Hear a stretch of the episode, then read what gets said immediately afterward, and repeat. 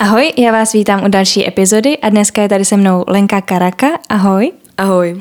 A já jsem si Lenku pozvala proto, že jsem se s ní původně chtěla bavit teda o její cestě do Santiago, ale teď jsme tady předtím úplně se rozvášněně zač- začali bavit o spoustě věcí, co Lenka dělá a já bych moc ráda navázala na to, o čem jsme se bavili teďka, protože to téma mě hodně baví a později sklidně můžeme zmínit ještě to Santiago. A my jsme se teďka bavili o tom, eh, že pro někoho, zvláště pro ženy, eh, nám teďka vlastně přijde, že je v pohodě, že mají takový jako větší záběr zájmů a že rádi dělají daleko více rozdílných věcí najednou a eh, snažíme se jako vlastně dohodnout, jestli je to jako dobře, že člověk nemá to zaměření na jednu věc, anebo jestli jestli teda by vážně neměl být zaměřený jako víc jednostranně. A já jsem k tomu ještě chtěla eh, říct, že mi vlastně přijde, že já teda taky nejsem feministka, nejsem jako já miluju muže, mám je moc ráda a moc je obdivu ve všem, ale chtěla jsem k tomu říct, že je jako možná úplně přirozený pro ty ženský, že mají tady ty široký záběry, protože když se zase podíváme víc jako do minulosti, eh, jak ty ženský fungovaly v domácnosti, tak ta ženská není jenom máma, ta máma i vaří, takže je i kuchařka. Ta máma i je švadlena, protože musí spravovat oblečení. Ta máma je i pradlena, ta máma je i prostě uklízečka. A teď jsou to takový ty práce, co si řekneme, no, uklízečka, paráda, kuchařka, ale pak se přesně do toho vyvinou i ty jako jiné věci. Ta máma je i malířka, učí děti prostě nějaký tvůrčí práce nebo umělecký práce, ta máma je prostě učitelka, učí ty děti se seznamovat s těma věcma, tak to jenom jsem tak jako chtěla k tomu dodat. To si myslím, že vlastně je, je docela silný point, že ten multitasking, ačkoliv třeba někteří lidi často slýchávám, že vlastně multitasking neexistuje a že lidský organismus nebo no, lidský mozek je schopný se soustředit jenom na jednu věc v, tý, v ten daný moment, v tu danou sekundu, ale vlastně když to rozprostřeme do nějakého většího časového údobí, třeba 30 minut, tak opravdu ta žena musí v tom, čemu se říká péče o domácnost, zvládnout těch hodně věcí, takže možná by se dalo nějakým způsobem obhájit, že je to tak trošku ženská záležitost, tady ta rozprostřenost mezi spoustu věcí. Já bych na to teda ráda řekla, že jsem feministka a mm. taky miluju chlapy, ale že prostě feministky mají rády chlapy, jenom chtějí, aby zároveň ženy měly volební právo a stejný plat za stejnou práci a to je jako principiálně feminismus. Ale um, ne, nemyslím si, že to v dnešní době třeba je problém, nebo v jakékoliv době, že to je problém jenom žen. Pravděpodobně znám i spoustu mužů, kluků, pánů, kteří třeba jsou taky rozprostření mezi spoustu e, činností, ale zároveň vím, že ze svého dětství znám tu tezi, nebo už od svého dětství znám tu tezi, tak si zablbni, ale jednoho dne už se teda rozhodni a začni něco dělat pořádně tu jednu věc. Mm-hmm. A vzhledem k tomu, že je mi teďka 27, což je statistický věk, ve kterým se spousta lidí zabíjí v mé, v mé, oblasti, v mé oblasti, nebo znáš možná klub 27 a to jsou lidi, kteří uh, si vzali život v 27, je to Kurt Cobain, Janis Joplin, Aha. Jim Morrison, Amy uh-huh. Winehouse, Basquiat, prostě obrovské množství lidí, kterým se říká klub 27, tak si z toho teďka dělám legraci, že musím vlastně tu kapelu založit honem, dokud je mi těch 27, abych zrušila tu kletbu. No No, co jsem to chtěla říct? Jo, že vlastně je mi 27, to už je produktivní věk, to už je věk, ve kterým moji rodiče měli mě i moji sestru a ve kterým spousta lidí už funguje na prostě poměrně vysokých finančních třeba úrovních nebo už jsou jako nějakým způsobem zajištění, tak je trošku na snadě si říkat, jestli už tento věk nemá být ten věk, kdy mám být zaměřená na tu jednu věc a tu jednu věc tak jako penetrovat do té hloubky. To se mi líbí použít to slovo s tímhle. tak jenom přemýšlím, jestli náhodou to taky není trošičku patriarchální koncept, vlastně tady ta penetrace té jedné věci a jestli ta rozprostřenost do spousty věcí nemůže být prostě v pohodě. A k tomu ještě teda znova opokojí tu moji tezi. Asi je to v pohodě, pokud jsem s tím v pohodě. Mm-hmm. Pokud mi v tom není dobře, tak pravděpodobně to chce nějak zredukovat nebo si s tím nějak poradit. Já Prostě mývám momenty ve svém životě, kdy si říkám, lítám od jednoho k druhému, jsem uhraná, je toho strašně moc, strašně moc toho chci stihnout, všechno dělám blbě a za ničím z toho si pořádně nestojím. To je jakoby v těch horších momentech nebo v těch unavenějších mm-hmm. momentech se mi v hlavě dějí tady tyhle věci. Takže to jsou momenty, kdy si řeknu, tak asi není v pohodě, že toho děláš tolik. A pak jsou momenty, kdy to všechno miluju a jsem ráda, že jsem se tímhle mohla obohatit. Takže pravděpodobně jsem asi jeden z těch lidí, co jsou s tím jakž takž v pohodě, i když si uvědomují, že někdy ta nepohoda přichází. Jo, tak to, to musím jako souhlasit. Já to mám jako stejně, jako samozřejmě, taky se mi to jako střídá, protože přesně jak říkáš, jeden den si říkám, jako i taková blbost, jako že si řeknu, tyjo, a co já bych si třeba napsala do toho životopisu, že umím, že jim teda jako můžu nabídnout a pak si uvědomím, že jako u ničeho z toho si nejsem tak jistá, že to umím, protože všechno jsem tak jako nakousla, různě nakousávám další věci, hmm. protože mě to strašně všechno zajímá, ale u ničeho jako kromě toho, že na nic samozřejmě nemám žádný papír, kromě nějaký jako vejšky, tak uh, u těch ostatních věcí jsem jako, no tak asi bych to jako zvládla, že jo, když zvládám tolik různých věcí, tak proč ne? A taky jsou právě ty horší dny, kdy si říkám, hm, tak já vlastně neumím nic, protože všechno jsem si tak jako zkusila. No a pak jsou ty lepší dny, kdy jako si říkám, tak asi prostě musím ty věci zkoušet, abych si třeba objevila to jedno, kdybych teda si měla vybrat to jedno a jestli to k tomu opravdu jako fakt spěje. A ještě jsem k tomu chtěla říct, že uh, já jsem tady měla rozhovor s mojí kamarádkou Terkou Markovou, která si vybrala jako právě vlastně tu jednu věc, dělá teda spoustu dalších, ale uh, hodně se na, zaměřila na jednu věc a to je jako psychologie. A mě právě u toho trochu vyděsilo to, že, jak říkáš, 27, takový krizový věk, tak ona vlastně studuje psychologii a teď mi vyjmenovala tu strašně dlouhou cestu, než se vlastně může stát tím, co jako se rozhodla dělat a co jako chce dělat.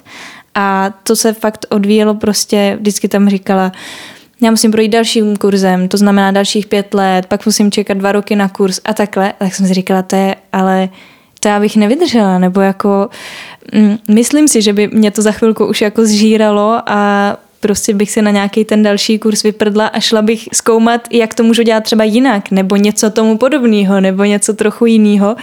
A jak jsi zmínila ty děti, tak ona tady kladla otázku jako, no a kdy teda mám mít ty děti, když já končím se studiem ve 30 a pak teda můžu začít pracovat konečně tak, jak bych potřebovala.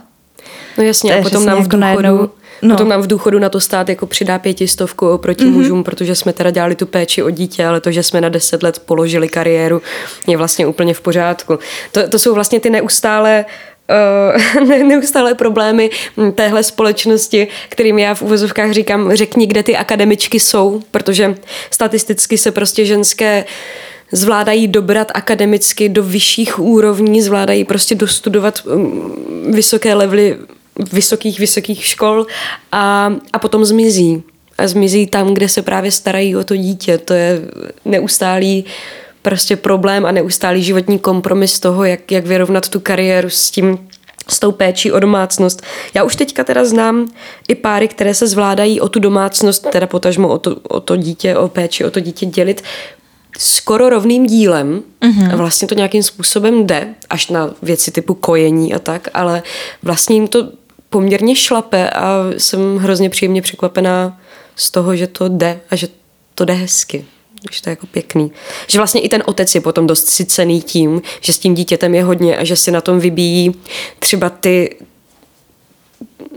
ty, ta zákoutí své osobnosti, které on by chtěl, že není jenom tím otcem, tím tvrdákem, který prostě přijde, vezme si na poprvé do bordelu, nebo já nevím, co je to za stereotypy, ale že vlastně se na tom i vybíjí ti chlapi to, co by třeba chtěli mm, tomu dítěti předat ze sebe, nebo ten chtějí mají ten vztah s tím dítětem nastavený v té něžnější rovině, kterou oni by třeba chtěli a která se od nich vlastně původně tolik neočekávala. Mm-hmm.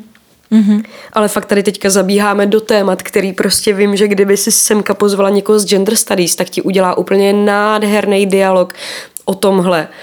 A bude to fantastický a já se vlastně až skoro bojím z toho, co plácnu, protože u mě jsou všechny tady tyhle věci ohledně ženství, mužství a dělby té moci všeho míra jsou vlastně hodně intuitivní takže se, se až skoro bojím, co, co ze mě vyleze. No.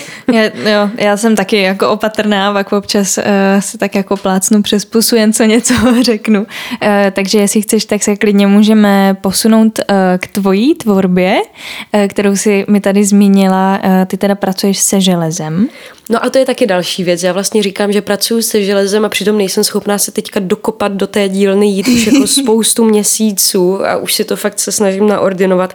Ale nějakým způsobem by se ano dalo říct, že vlastně mám za sebou už nějakou práci se železem a teďka dělám na soše a už bych teda na ní ráda dělala trošku pravidelněji, ale eh, známe se a máme hodně povinností.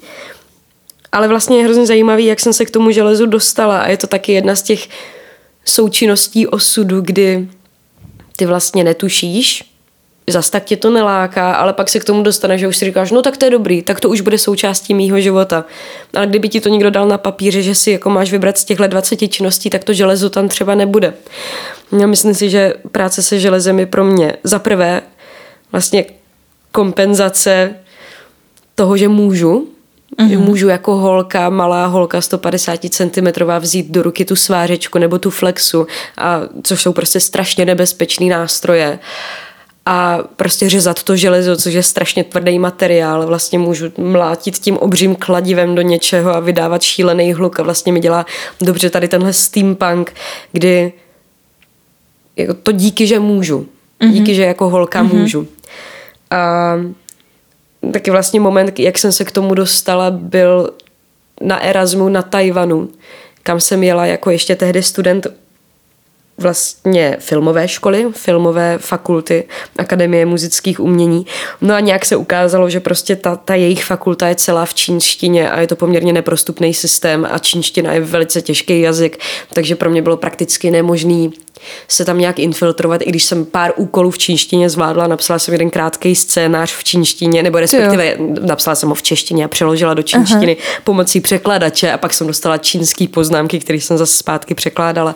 Jo. Nicméně to prostě nemělo moc smysl, takže jsem se začala vybírat předměty, ve kterých se nemuselo mluvit a pracovalo se v nich nebo se v nich tancovalo. Takže vlastně kung fu mm-hmm. a keramika a svařování, protože tam byla krásná dílna, otevřená takhle do těch pralesů, teď tam pořád pršelo na ty banánovníky a bylo to prostě nádherný. Hmm. No a tam jsem se dostala poprvé ke svářečce. A pak jsem nějak obnovila tady tu mini vášeň, kterou jsem tam jako zasela na tom Tajvanu. Vlastně jsem to obnovila tady v Česku a potom se to ještě k tomu hodilo při covidu, protože jako člověk z umělecké branže jsem při covidu měla trošku zatlý tipec ohledně toho, jak si, jak si hledat práci, takže vlastně jsem několikrát platila nájem z toho, co jsem svařila a pomáhala jsem při různých kšeftech. Mm. Takže toť, toť moje železná kariéra. A teďka bych trošičku chtěla právě dělat ty sochy, protože jsem si vymyslela takovou metodu a zatím o ní fakt hodně mluvím a fakt málo jí dělám. že Jo, ale tak to je první krok. To se často jako říká, že uh, i dokud to jako člověk jako tají v sobě, takže mm, k tomu nikdy nepřijde a že to jako se nikdy nestane, ale tak když už o tom mluvíš, tak to už to trošku dáváš ven. Mně připadá, že na Damu mi často právě lidi říkají, že jsem ten typ člověka, který o věcech spíš mluví, než by je dělal. Mm-hmm. Ale zároveň teďka za poslední, za poslední údobí jsem právě o věcech moc nemluvila ani nepřemýšlela, jenom jsem to udělala a dostala jsem nejhorší známku ze všech, takže tam bude asi ještě úplně nějaký jiný energetický problém. A ty bys chtěla dělat nějaký jako uh, veliký sochy nebo spíš jako šperkový věci? So, nebo... Veliký, veliký mm-hmm, sochy. Mm-hmm. Mě napadlo mě napadlo s tou svářečkou háčkovat vlastně, nebo ne háčkovat, ale udělat něco, co vypadá jako háčkovaná dečka. Mm-hmm. Když si představíš prostě háčkovanou dečku na stole, takovou jako drapérii, tak, tak mě napadlo, že to se vlastně dá udělat ze železa. V momentě, kdy já bych prostě drátem nejdřív udělala prostě takový háčkování drátem, kdybych si ty drátky smotala a posadila to na kámen, já bych chtěla kombinovat železo a kámen a pak to vlastně ovařovala svar na svar podél toho, podél toho drátu, tak z toho vlastně vznikne taková jako háčkovaná dečka, která bude rozprostřená na kameni, mm-hmm. což jsem teďka začala dělat. A, a přijde mi to rostomilý. Mm-hmm. Vlastně přijde mi to rostomilý a do toho to váží 40 kilo, takže je to Jsem jako... se chtěla zeptat, protože já jsem uh, měla to štěstí, že jsem párkrát v ruce držela kroužkou uh, košily a to je teda strašná váha. To je strašná váha. To no. jako uh, fakt si představím ty válečníky kdysi a to teda... To si i představ ty vojáky teďka, vlastně to, to co máme prostě mm. v bojích současných, ty lidi mají na sobě neskutečnou váhu, já si to vůbec nedokážu představit, co oni všechno tahají a ještě s tím běhají. Mm-hmm. Šílený. A tak to bychom, to bychom mohli zase porovnávat i uh, že jo, ty různé konstrukce, co měli ženský na sobě, ty různé no, sukně a korzety a na hlavě, co mývali, že jo. To ty... měla Marie Terezie 630 kilové šaty, neměla. Mm-hmm, mm. Myslím, že jo. A ty africké ženy, které si dávají mokré hadry na hlavu, tak ty jsou schopné tahat vázy, které váží až 60 kilo, jenom vlastně na své páteři. Mm. Což mi přijde úplně neuvěřitelný. Jo, to, to teda, když já si představím, že jako můj pes má 30 kilo a já za ním už občas vlaju jak eh, hadr, tak teda, že bych ji nesla na hlavě, no, není tak kompaktní jako ta váza. Není, no, to je pravda. Myslím Ale... si, že ten pes by se víc vzpíral, ta váza je s tím docela v pohodě. Jo, to, to jo. uh, no a ty máš teda jaký ještě záměr s tím, uh, kdybys to třeba chtěla někde vystavovat nebo prodávat, nebo ty sochy? No mám, mám ještě jeden z takových těch pragmatičtějších plánů. Co kdybych se jednoho dne musela vrátit do vesnice, ze které pocházím, mm-hmm. která je na severu Moravy, nejede tam vlak, nejbližší město je Olomouc, ale je to 30 kilometrů, což už je poměrně dost na dojíždění. A co bych v té vesnici dělala? Jako člověk, který pracuje v rozhlase. Mm-hmm. Tam prostě jako, je tam obecní rozhlas, ale mm-hmm. v tom mhm. pracuje moje teta, takže to je zabraný. A tak jsem si říkala, no možná je to až skoro pragmatická umělecká volba. Když já teďka budu svařovat, tak si tam prostě udělám dílnu, budu s našima v tom baráku a budu svařovat ty sochy. Ale to, takže to by, to by bylo vlastně jako pragmaticky na prodej, to je vlastně mm-hmm. skoro anti-umění, ale uh, jinak já, já pořádně vlastně nevím, já si myslím, že to je že to je prostě činnost, která mě nějakým způsobem baví, je to fyzická činnost, takže pořád nesedím u počítače a nepřemýšlím hlavou, což zbytek mých činností docela obsahuje. A nějak mě prostě napadají nějaké věci, sochy mě vždycky zajímalo, zajímaly, líbily se mi objekty. Nebo nejenom líbily, ale prostě nějakým způsobem kdybych si měla vybrat výtvarný umění, pravděpodobně bych si vybrala sochařství, protože mě víc napadá, nebo víc mě to táhne k materiálu, k přemýšlení nad materiálem a ke konstrukci nějaké, nějakého 3D objektu, než třeba k malbě, kterou prostě mám moc ráda a obdivuju. Myslím si, že poznám dobrý obraz a ocením dobrý obraz, ale když já se postavím před plátno, tak je to prostě 15 minut frustrace a pak se na to vykašlu. Mm-hmm. Takže... Mm-hmm. No, já bych ráda se teda jenom tak jako v krátkosti třeba, kdybys mohla říct, tak jako schrnula, jestli dokážeš tak jako zhruba říct, čemu teda všemu se teďka momentálně věnuješ. Jsou to teda ty sochy, máš vystudovanou FAMu, Mám jsi vystudovaný, na DAMu. Mm, mám vystudovaný dokument na FAMu v bakaláři. Jsem na DAMu v magistru. Uh-huh kde jsem si teda ujasnila, že divadlo dělat nechci, takže aspoň něco jsem mohla odškrtnout, mhm. divadlo mm-hmm. dělat nechci. Um, svařuju trošičku, chtěla bych víc. Um, vlastně úplně to, co chci dělat nejvíc, já mám vlastně jednu věc, kterou, která je nejniternější a ke které to všechno směřuje a to je psaní. To mm-hmm. mám mhm. jako ujasněný, že vlastně psaní zůstane, až všechno ostatní, pokud všechno ostatní odpadne, tak psaní zůstane. Mm, ráda bych točila filmy, což se s tím psaním pojí. Ono napsat si svůj scénář je vlastně trošku často jediná možnost, často nejlepší možnost. Mm-hmm. Prostě je to nějaká možnost, která mm-hmm. se mi jeví jako něco, co bych ráda dělala. Co ještě dělám? Pole dance. Mm-hmm. protože, protože to je prostě skvělý. A taky se to pojí s tím svařováním, protože to silová věc, takže mm-hmm. když člověk udrží flexu, tak se pravděpodobně udrží i na té tyči. no pracuješ v rozhlase? Pracuji v rozhlase mm-hmm. jako moderátorka. Mm-hmm. No... No ale tak to ti, mně přijde, že to spolu všechno vlastně aspoň tak nějak trochu jako souvisí, že to není zase tak ono, rozprostřený. Všechno souvisí se vším, no, podle jasně, mě. Ono no. fakt jako jedna věc vede k druhé a člověk si to prostě, když si to umíš obhájit, když to tam vidíš, tu součinnost těch všech elementů světských, tak to prostě, tak je to paráda. Někoho to naštve, někdo řekne, já to tam teda nevidím a mě to sere a ty řekneš, no ale já to tam vidím a jsem takhle spokojený, takže vlastně je, je asi dobrý se obklopovat lidma, který to neštve, aby ti to nevyčítali nebo něco. Mm-hmm. A nebo v určitou chvíli vědět, že to má člověk dropnout, když to nestíhá. To je taky možnost. Hmm. Můžeš mi prozradit uh, nějaký svůj sen, co máš jako takový své přání, ať je to třeba něco, co bys chtěla dělat, čemu si věnovat, nebo nevím, nějaký jako osobní sen? No, těch je taky milion, ale napsat knihu, mm-hmm. natočit film a žít v Mexiku chvilku. Mm-hmm. Mm-hmm. A ty sama hodně cestuješ?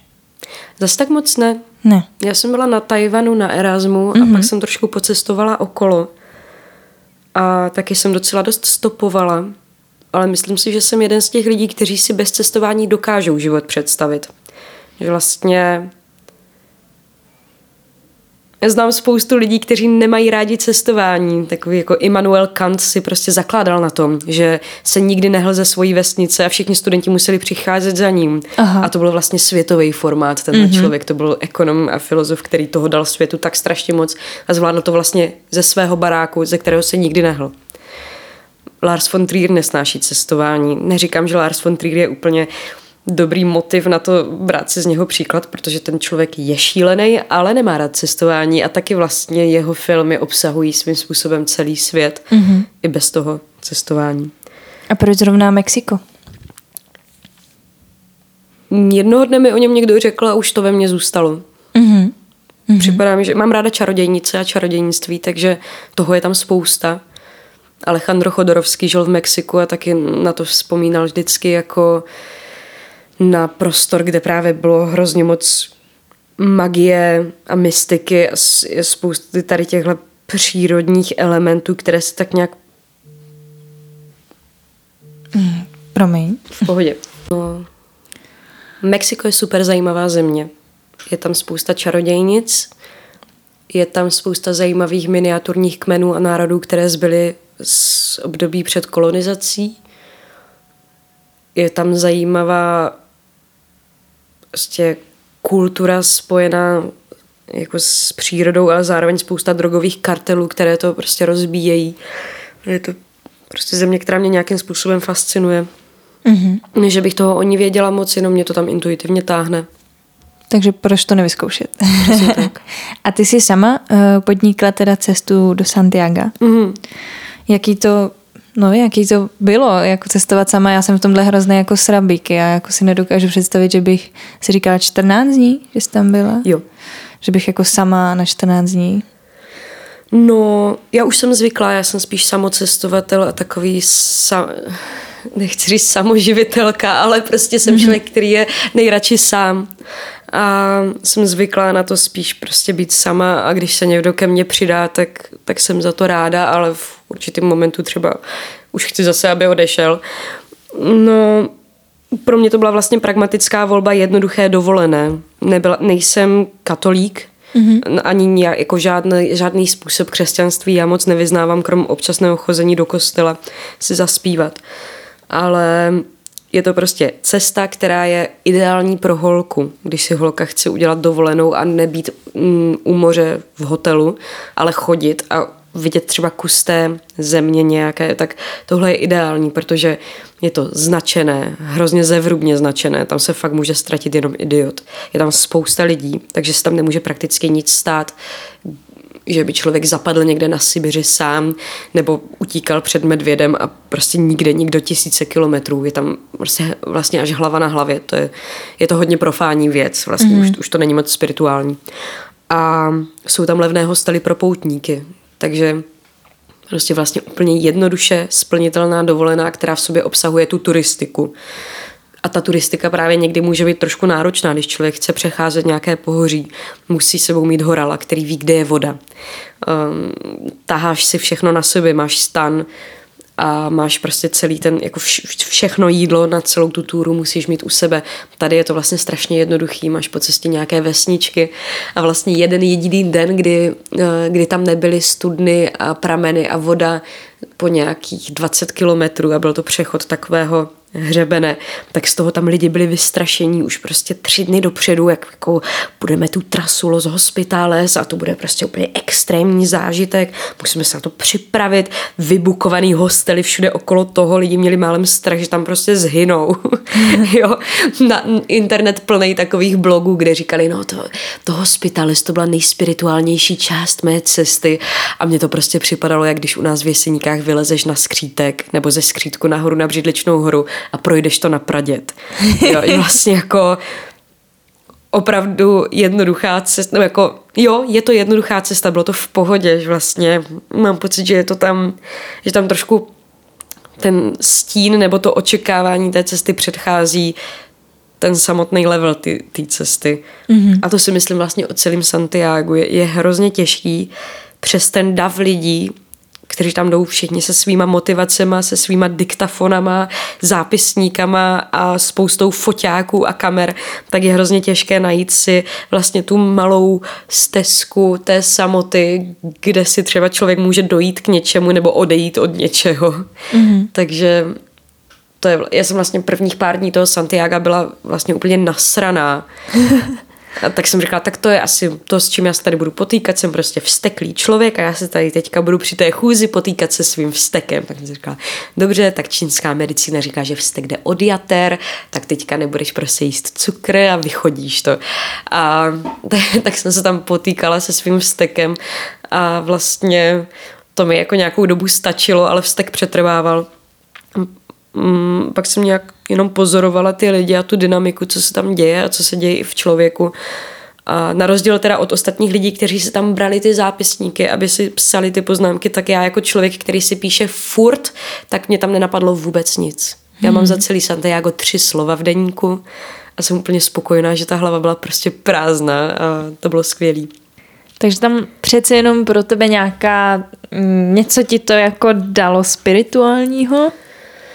Hmm, spirituálního. Teď si úplně nejsem jistá, ale myslím si, že když to vezmu z hlediska spíš nějaké psychosomatiky, mm. která mě teďka zajímá, tak to byla možnost, jak se po půl roce poměrně šíleného životního režimu, který nastal třeba s tou invazí, tak jak se vrátit sama k sobě, chvilku někam jít pěšky a soustředit se jenom na to, že největší problém toho dne je, že mám puchýř a ten mě bolí. A to je vlastně hrozně příjemný, řešit ty úplně jednoduché věci. Mám hlad, mám žízeň, mám puchýř. Bolí mm-hmm. mě nohy, jsem unavená, už nemůžu. A to bylo hrozně příjemný, že člověk prostě řešil jenom tady tyhle bazální věci. No a to je to, co jsem od toho vlastně chtěla. Já jsem dostala to, co jsem chtěla svým mm-hmm. způsobem. Mm-hmm. Já jsem toho chtěla hrozně málo. Já jsem nečekala, že by přišlo nějaké osvícení nebo něco. Byť jsem si teda dobře, dala jsem si do čtečky Siddhartu od Hermana Hesseho, říkala jsem, tak trošku tomu půjdu naproti těma východníma rytmama, budu si číst tu spirituální psychoanalytickou prózu švýcarského prozaika a jako nějaké, nějaké věci jsem tam tr- prostě trošičku Nacházela jsem tam v některých věcech tu flow, ale nepřišlo nějaký obrovský osvícení. Spíš si myslím, že ještě teďka čerpám z toho, že jsem se teda odpočinula, že jsem šla pěšky, že jsem změnila ten režim mm-hmm. a teďka integruju tu změnu režimu, což je moc fajn. Mm-hmm. Mně tak jako napadá, jestli jestli vlastně takovýhle místo, který už je tak profláklý a tím, jak říkáš, že tam prostě proudí davy, tak přesně já si jako uvědomím, jak si říkala, že si tam nemohla najít chvilku vlastně sama nebo tak, tak kdykoliv já jsem si potřebovala něco jako prožít nebo něco v sobě jako řešit, tak to rozhodně nebylo mezi lidma. Tak jestli myslíš, že ještě vůbec to jako místo může něco takového nabízet, no, že ty lidi jako s foťáčkama a teda jako s, se zápisníčkama, jestli můžou něco takového tam jako zažít? No jako pravděpodobně jo, protože tak jak, já jsem trošku antituristický člověk tím, že jsem vlastně jako proti turistům, ale zároveň jsem sama turista, takže já vím, že já prostě kážu vodu a piju víno úplně stejně, ale pořád je to trošku jiná sorta lidí, než lidi, kteří třeba tvoří backpackerskou komunitu v Tajsku. Jo, Tajsko je, extrémně turistická země, jde ti na ruku úplně vším, celý ten systém je postavený na turismu, všude z tebe tahají ty peníze, všude máš ty pochybné masáže a ty holky, které jsou ukradený z Filipín, aby tam pomalu dělali prostitutky. A do toho máš prostě tady ty partičky těch Britů nebo i Čechů, Dánů, takových těch kluků, kteří tam prostě objevují ten svět a cítí se být pány toho lidstva, protože jsou vlastně bohatý na, na ty poměry a, a dělají tam vlastně bordel a je to takový celý nepříjemný a to je nepříjemná sorta turistů.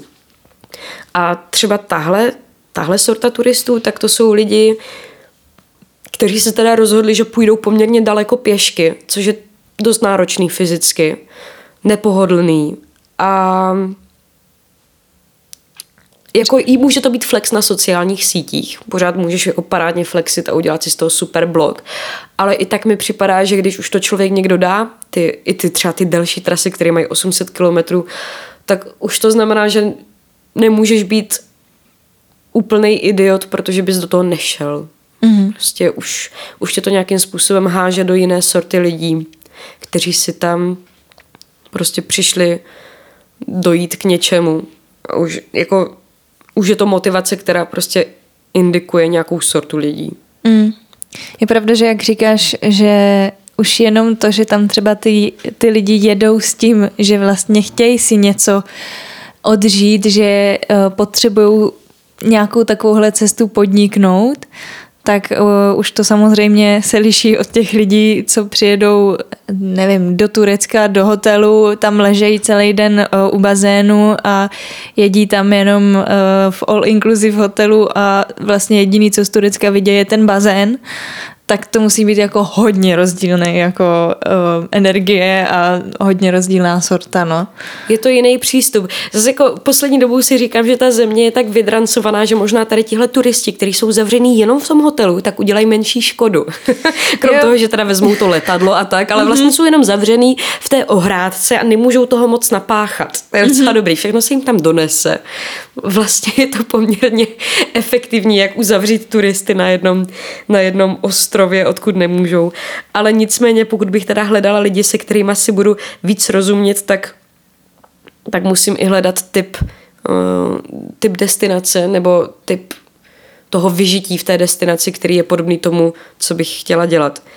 Nicméně vlastně nechce se mi úplně v tomhle podcastu podporovat turismus. Zjišťuji, že vlastně je to No je to ošajstlý, když se podíváme, jak je na tom třeba Praha, jak jde strašně turismu na ruku a jak jde proti občanům Prahy, jak je prostě celé centrum nežitelné a plné matriošek a šílených trdelníků, tak vlastně vidíme, co jsou ty extrémnější formy turismu, které jdou prostě úplně proti těm původním obyvatelům. Je to tak, no, jako uh, jenom, jenom to, že já jsem vlastně studovala čtyři roky na konzervatoři na Staroměstský a pak jsem se přesunula jenom o pár ulic vedle na Damu.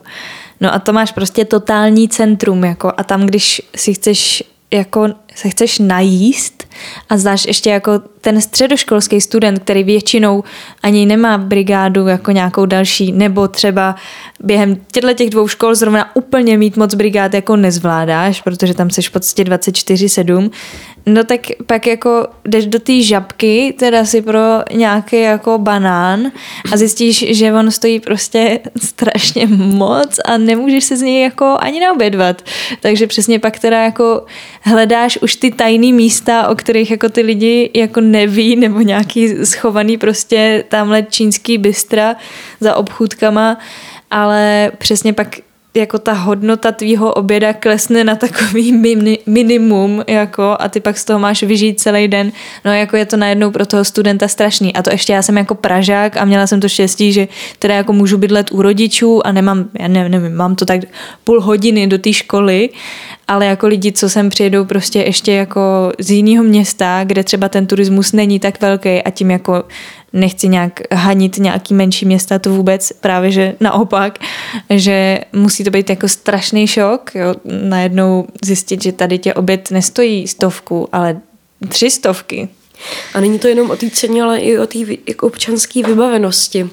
Že prostě ani není pořádně kam jít se najíst. A je to, je to takový zvláštní, protože prostě pro mě třeba jako právě toho člověka, který se přestěhoval do Prahy eh, ze Severní Moravy, tak ještě pořád v sobě i po osmi letech v Praze nacházím takové ty momenty, kdy se tak zadívám na ten Pražský hrad, řeknu, to je prostě taková majestátní nádhera a pořád mě vlastně tady ta barokní kulisa toho centra Prahy trošičku rajcuje ale zároveň jako občan jsem trošku přinasraná, že vlastně mám takový to, pane bože, můžete mi uhnout, když jdu do školy, nebo třeba ty momenty, kdy já potřebuju přejít Karlův most jako normální občan, mm-hmm. ne mhm. jako výletní občan, ale jako člověk, který potřebuje z bodu A do bodu B ujít za 15 minut, Jo, tyhle ty trasy jsou ještě jako mít fakt školu v Karlovce, že jo, v Karlově ulici, to je šílený, já si fakt pamatuju ty rána, kdy jsme se spolužákama vymýšleli, uh, jaká metoda nejvíc na ty turisty jako funguje, jestli jako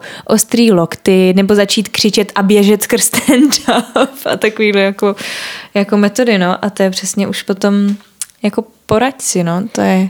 No a takhle podobně vypadá Santiago de Compostela. Mm-hmm. To město přímo, je vlastně město, které je podle mě z 90% živé turismem. Okolo té katedrály, okolo toho jsou prostě takové restau, restaurace a bary a všechno, kam, kam ti znavení poutníci teda jdou, jdou to rozjet. A přemýšlím, jaký je to pro ty lidi. Viděla jsem tam vlastně některé lokální lidi, bylo poznat, že, že jsou lokální, protože tam jako tak nějak normálně žili v tom centru, normálně tam existovali. A vlastně oni vidí tady tyhle lidi, kteří mají pocit, že právě došli k tomu Ježíši každý den, každý den vidí ty lidi, kteří odhazují ty turistické hole a dělají, pane bože, jsem tady, teď se mi všichni prostě pokloňte, protože já jsem právě došla 500 kilometrů a mi celý svět leží u nohou a tady je obří katedrála. Teďka je prostě ten člověk, který se v tom Santiago narodil a říká si, jo, jo, zítra vás tady bude taky 2000. Prostě. Mm-hmm. A je to vlastně hrozně zvláštní pocit vidět někoho, kdo tam má top of the life a někoho, kdo ten top of the life vidí 600krát denně u někoho. Je taky zvláštní, no. To jo, no. Tak třeba už to jejich vnímání je už taky posunutý, jako že z toho mají jako už nějaký takový jako, že už to berou za A teda jako normálně, jako normální stav, že takhle to tu prostě je a nemůže si z toho dělat jako zábavu, když tam pak lidi jdou do nějakého stánku, tak si říkají, tak co, koupí zase tu sošku tuhletu, anebo tuhle. Mm. Jo, tohle vypadá, že koupí tu větší a že ji bude táhnout zpátky. Prostě. Je pravda, že musím říct teď, když se pokusím si vzpomenout na centrum Santiago, tak bylo trošku méně otravný, co se týče těch suvenýrů. Mm-hmm. Bylo tam fakt spousta restaurací a podniků, kde se můžeš najíst. Um, bylo mezi nimi poznat, které jsou trošku víc turistické a které jsou třeba trošičku víc lokální, ale mám pocit, že vlastně šli trošku méně na ruku mm-hmm. tady tomu eh, modlo služebnictví toho turismu, kdy si právě nakoupíš ty sošky. No, fakt si myslím, že toho tam moc nebylo, což je docela příjemný, protože Praha jde tomuhle jako hrozně na ruku. To je vlastně Jo, je to ta, já jsem jako přemýšlela, když, když jsem kolikrát to právě viděla z té školy, jak jsou tady ty stánky a co, jako co je tam za ten sortiment, tak jestli když já jsem teda v té roli toho turisty někde, jestli jsem vlastně stejná, že mě přilákají tyhle ty obchudky a jdu se podívat tady na ty věci, které jsou stoprocentně jako je nevyráběl ten člověk, co tam žije a jsou prostě zase nějaký vymyšlený a v továrně udělaný a přitom už dávno nesouvisejí třeba ani s tou zemí nebo prostě jsou to jenom obchodní triky. Uh, no, doufám, že jako nebudu lhát, když řeknu, že fakt nejsem, no, že mě tyhle stánky nic neříkají a naopak mě děsně potěší, když objevím tamhle někdy zapomenutou starou paní, co prostě sedí a uh, plete prostě levanduly a ty pak zjistíš, že z ní dělá ona sama ten olej a tak ti ho jako nabídne a ty jako vidíš, že to dělá ona.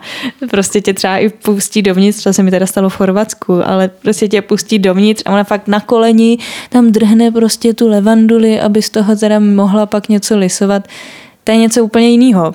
Je to jiný. I ti žebráci jsou trošku jiný vlastně. V, v Santiago žebráci hrozně těží z toho, že je to teda to křesťanství a hrozně na tebe útočí tím křesťanstvím, jsou okolo té katedrály. Jsou to teda z většiny ženy, Mm-hmm. A hrozně často tam mají vlastně u sebe napsanou cedulku, že se starají třeba o dvě děti a ty děti nemají otce, takže vlastně to, to, to žebrání těch peněz jde spíš z principu toho ženství a zajištění rodiny, eh, přičemž tady u nás jsou vlastně žebráci většinou muži, mm-hmm. protože oni jsou taky jako pod, pod chlapama, kteří kasírují o ty peníze a vlastně jsou tady jako různý žebrácký kartely. Je jenom hrozně zajímavý vidět i jako jinou skupinu těch žebráků. A s tou lokální paní, já teda musím říct, že když jsem byla malá, tak já jsem ty obchůdky milovala. Já jsem strašně chtěla jít do toho českého granátu a dostat nějaký náušnice z českého granátu.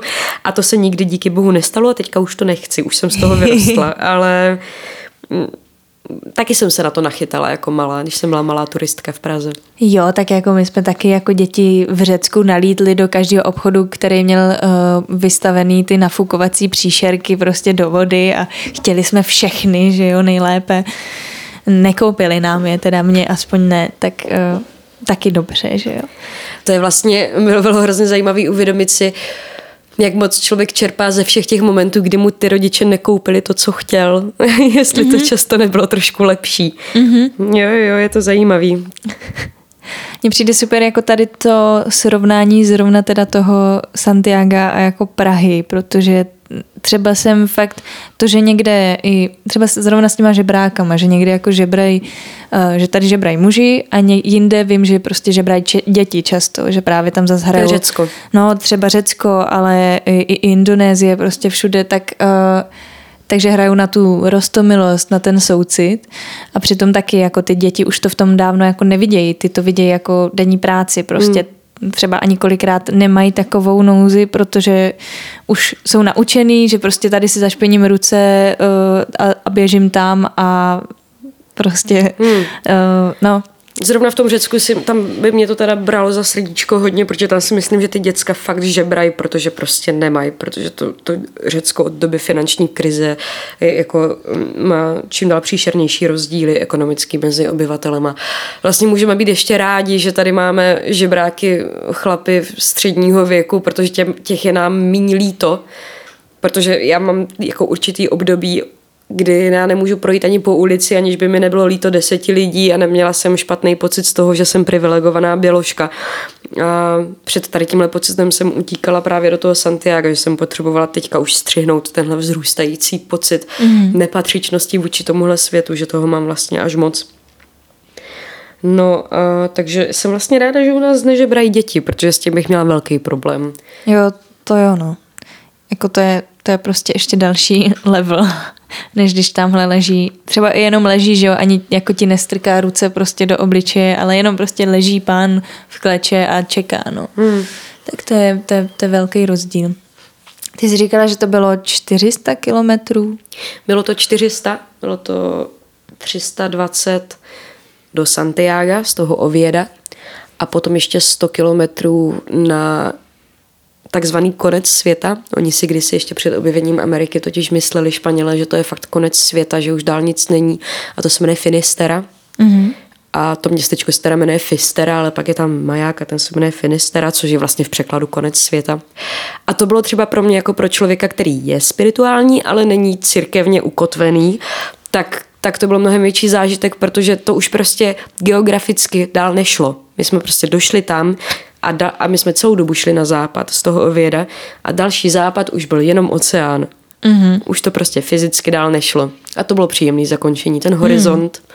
to zapadající slunce a ty lidi, kteří věděli, že, že už to je, tohle je konec. Mm-hmm. No, teď mě napadá přesně otázka. Um, měla teda tím pádem, jestli tohle byl nějaký jako tvoje dobrý zakončení té cesty, jestli tohle byl nějaký tvůj dobrý jako pocit z toho, že a ah, super, tak tady ta cesta končí, jakoby takhle jsem ji dokončila.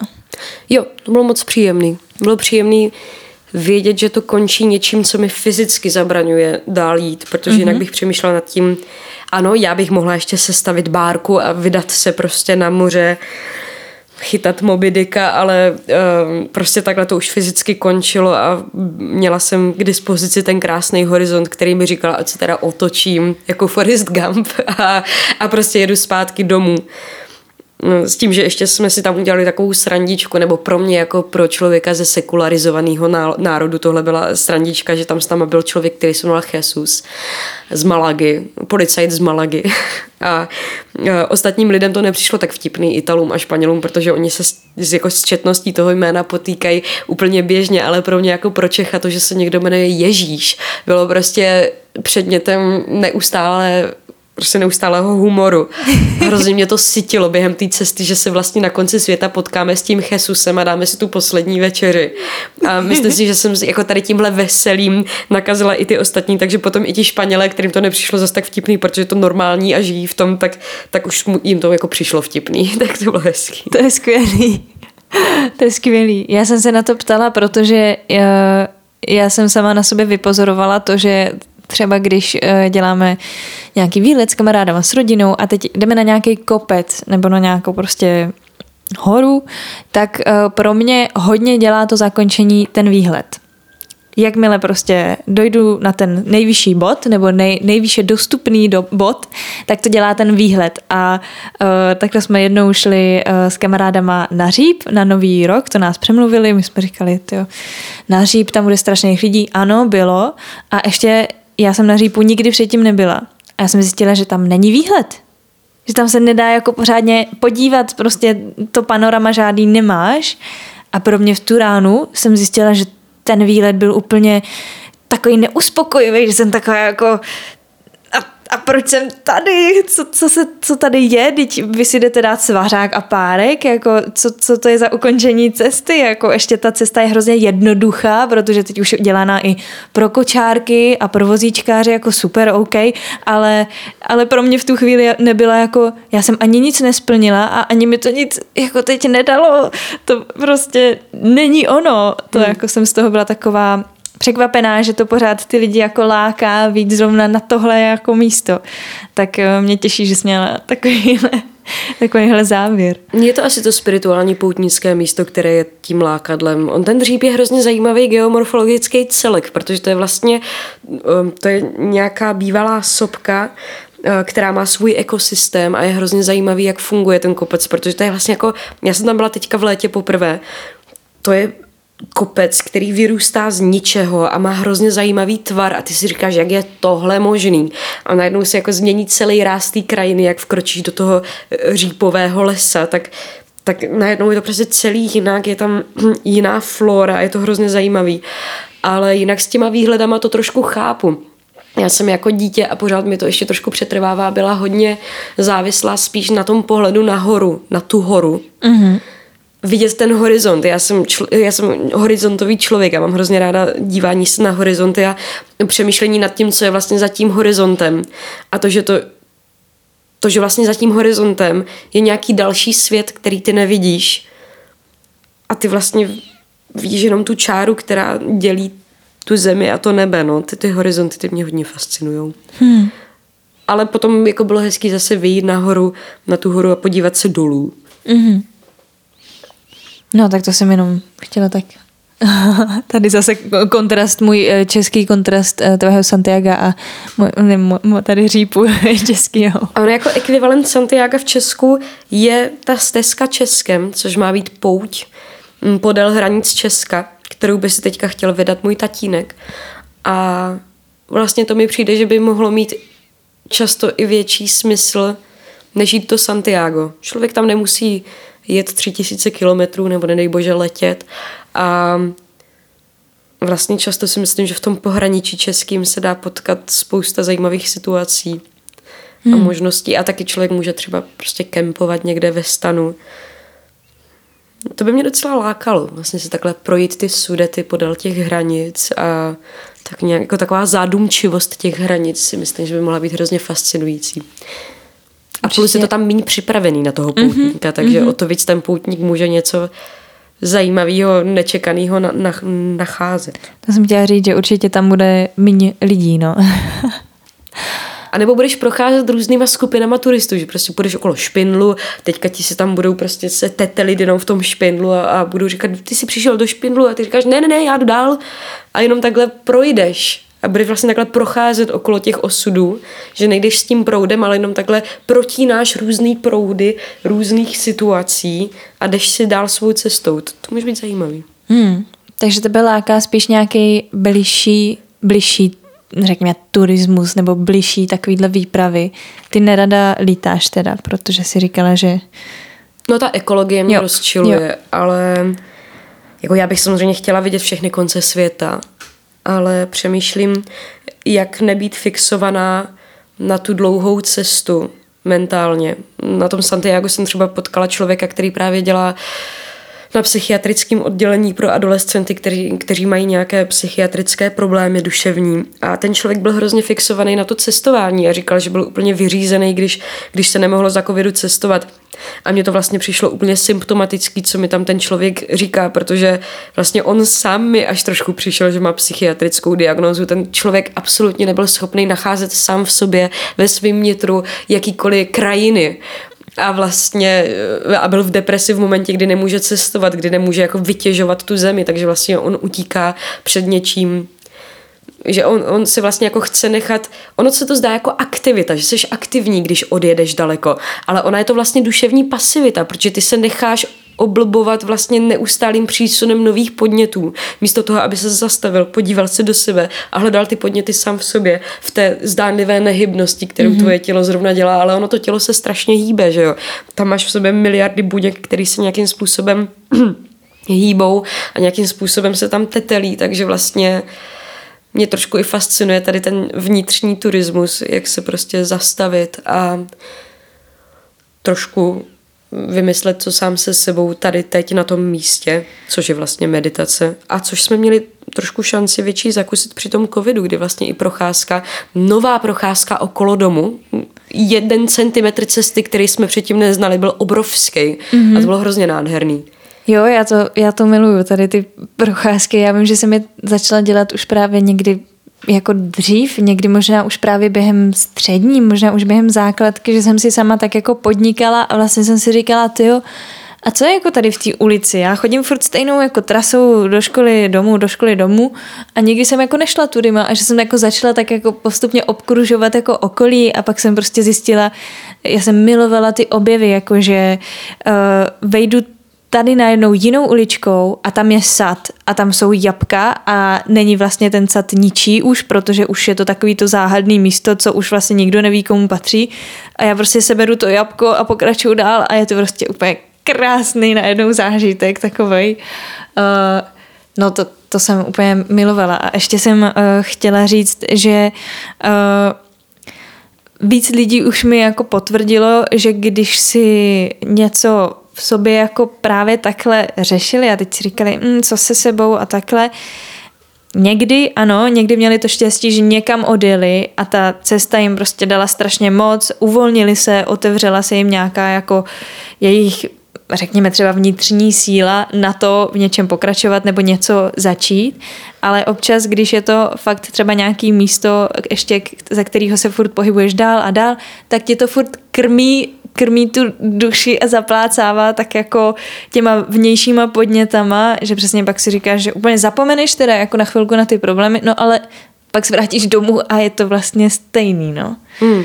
Já se takhle na prstech teďka počítám dvě věci, které ti chci říct. Jo. Já začnu teda od konce, takže od toho, mm-hmm. co mhm. jsi říkala teďka. To je vlastně hrozně zajímavý, když se člověk snaží tím turismem utíct nějakému svému problému. A já jsem tady tohle právě zažila s velkým zklamáním, ale teď, do teďka z toho čerpám. To byl největší objev mého života, když jsem právě odjela na ten Tajvan. V té době mi to moc neklapalo na škole, neměla jsem úplně ještě uspokojivý ten svůj duševní život, ještě jsem to neměla, I didn't get my shit together. A, a teďka jsem dojela na ten Tajvan chvilku jsem se nechala oblubovat těma podnětama, pak mi začalo docházet, že tam ale nejsem úplně spokojená, že nejsem schopná se integrovat, že jsem sama v sobě furt nespokojená. Tak jsem si koupila motorku, přejela jsem ty hory, dojela jsem až na východní pobřeží a dál už nebylo nic, dál už byla jenom Amerika, konec mapy a Amerika. A já jsem říkala, A furt mě to sere, což znamená, že já jsem teďka dojela na konec mapy a stejně vlastně sama sobě neuteču. A to mě teda jako strašně nasralo, mm-hmm. ale vlastně do teďka z toho čerpám, protože to prostě nevyřešíš tím, že odjedeš. Nebo vyřešíš to tím, že zjistíš, že sám od sebe stejně neodjedeš. Jo, jo. Takže vlastně paráda. No a druhá věc, co jsem chtěla říct, s tím hlubinějším ohledáváním těch lokalit, co máme okolo sebe, nebo s, jako s tou opakovaností, kterou podnikáme a s těma výpravama, tak vlastně my, my tady tímhle děláme to, co jsme na začátku toho našeho dialogu říkali, že vlastně neděláme. Vlastně někdo jezdí na spoustu míst, které povrchně vidí a my děláme spoustu činností, které jako povrchněji ohledáváme, ale zároveň jsme schopní vlastně hlubině uh, ohledávat místa okolo nás a vlastně být zaměření na tu jednu lokalitu hlubině a nacházet vlastně neustále v ní ty nové podněty. Takže to, to je vlastně to, co splňujeme eh, z toho starého patriarchálního konceptu. Jsme schopni se zaměřit na jednu věc, na jednu lokalitu mm-hmm. hluboce. Tak to je trošku uspokojivý. To je super, no vidíš, jsem si nepropojila vlastně, že jsme tak jako uh, takový kolečko jsme udělali. Je, takhle, je, je to takový cyklus života. Je to takový cyklus života. A my jsme ty ženy, ty nositelky té smrti a toho stvoření a jsme ty cyklické bytosti. Takže z za tohle mě určitě uh, jeden z mých tady uh, kamarádů, posluchačů úplně pošle do No když k tomu dáš i ten smích, i ten tón, tak si myslím, že pochopí, ne, na čem já jsme. myslím, že úplně v pohodě. On říkal, hele, já to budu poslouchat, když nebudeš mluvit o nějakých ženských stavech a menstruaci, tak to budu poslouchat. si říká, dobře. Takových podcastů na už je. je taky zajímavá věc. Jo, jo, je to náročný? no já to dostala hned, jak jsem odjela z Česka, že Aha. právě ten organismus si řekl, pane bože, jsem v prostě v nějakým něco stresu, se děje, něco, něco se děje, co bych tak ještě, čím bych přispěl do foroty, a tak dostanu menstruaci. Takže vlastně už jsem to jako v letadle, si říká, Ježíš Mariano. Jo, tak uh, o, to, o to vždycky si pak přijdu silnější, když někdy ta, v takových situacích ještě jako do toho přijde to krvácení, tak je to přesně takový ještě ještě víc silná si pak teda jako přijdu, že jsem něco takového zvládla, různé školy v přírodě a tak. Jo, jo, to jo. A já si, já si ještě tomu jako tak potutelně směju v kontextu toho křesťanství, víš, mm-hmm. že ta žena je jako pořád vnímaná jako nečistá, jo, tohle, jo. ty tam máš všechny ty poutnice, co menstruujou a ideálně by takhle menstruovali podél té cesty, mohli vylejvat ty své kalíšky prostě a říkat, my jsme tady taky. Co jo, no. Jakože, no, to je jako to je zase na další hrozně dlouhou debatu, přesně pak uh, jako zmínit tady panenky Marie, uh, nejčistší ženy a přesně jako hele, ale ona asi taky musela být nějak plodná, když už teda jako pak měla toho syna, takže taky musela předtím asi nějak krvácet. A, to pravděpodobně a ji neoplodnil Bůh, nebo byl Bůh prostě týpek odvedle a ano, se mu Bůh, stejně jako se tomu tak. týpkovi z Malagy říká Jesus. Přesně tak. Ježíš Maria, teďka jsem teda řekla úplně strašnou věc, to jako jestli, jestli jsem se někdy mohla stát katoličkou, tak teďka jsem si ty dveře úplně zavřela, za to se omluvám i sama sobě, i světu. Ale um, no tak pojetí, pojetí ženy v křesťanství nebo obecně v církevních uh, vírách je, je vždycky trošku legrační. Mm, to, to je a to, to mě úplně uh, přivádí na to, že Všem doporučuji se jít podívat na představení třetí nádvoří, na kterým se tady Lenka taky podílela a s Eliškou Říhovou. Hraje se na damu v disku a mě teda úplně moc, moc mě potěšilo, jak je to celý pojatý, protože já teda taky nejsem úplně jako člověk, který by nějak moc rozuměl zrovna křesťanství mm, a vlastně náboženství tomu podobné, tak tak to jsem jenom ještě chtěla zmínit, že to doporučuju. Jo, tak já to jenom ještě objasním, že to je absolventské představení, ve kterém jsme právě s Eliškou trošku ohledávali tu zklamanost z víry a z církve a to, že máme nějakou... Je to vlastně o katedrále, takže já mm-hmm. jsem po tom, co jsem dělala představení o katedrále, tak jsem teďka vlastně ještě dojela, došla do té katedrály v tom Santiago a vlastně bylo v ní něco podobného, jako, jako je v tom představení. Jsou tam prostě nějaký mrtvoly, v té katedrále. Tam vlastně všichni chodí strašnou frontu na tu mrtvolu toho svatého Jakuba, kterou ale nikdo jako se nezaručuje, že tam fakt je. Jo, mm-hmm. Je tam mhm. truhla a já mám teda trošku podezření, že tam možná v té truhle nic není, ale nebudu to spochybňovat. Uh, No a je to prostě velký dům a v tom velkém domě jsou lidi s foťákama a mrtvola. Mm-hmm. No, takže všichni chodí se podívat na krabičku, kde možná je mrtvola. Možná jo. A zase, abych byla trošičku teda k tomu e, i méně přísná, tak samozřejmě je úžasný, že lidi měli nějakou víru a kvůli té víře stavili prostě nádherné velké katedrály a byli schopni vlastně pro tu víru takhle žít. Já nechci říct, že jsem jenom skeptická, jo? Ano, já nejsem to... jenom skeptická, já jsem velmi spirituální člověk, ale mám trošku jako tendenci si dělat právě z církve legraci, protože to je prostě hrozně velký neekonomicky stavěný barák a kdyby se tam udělali pořádný patrový palandy, tak jsme tam mohli ubytovat všechny uprchlíky, kteří jsou prostě na ulici, ale místo toho tam prostě máme krabičku s mrtvolou. to je taky skvělý pohled. um, no, já ti moc děkuji za rozhovor. Probrali jsme spoustu věcí, ale mě to děsně bavilo. Děkuji. Mě to ti. taky bavilo, děkuji. Možná jako tip na knihu na závěr eh, můžeme říct Mirsa Eliade posvátné a profání. To je taková knížka, mm-hmm. co by se k tomu hodila. Mm-hmm. Já ti tedy ještě dám možnost, eh, to dávám vždycky tak jako hostům možnost, jestli chceš někomu ještě něco vzkázat, nějakou, nějaký poselství nebo někoho pozdravit. Mm, asi vlastně ne. Já to nechám takhle sama pro sebe celý. Dobře. Nikomu nic nedám. Tak jo. tak děkuji moc. Taky děkuji. A měj se hezky. Ahoj. Ahoj. Slyšeli jste rozhovor s Lenkou, já jí moc děkuji za rozhovor, bylo to pro mě opravdu velice zá, zábavné a pestré.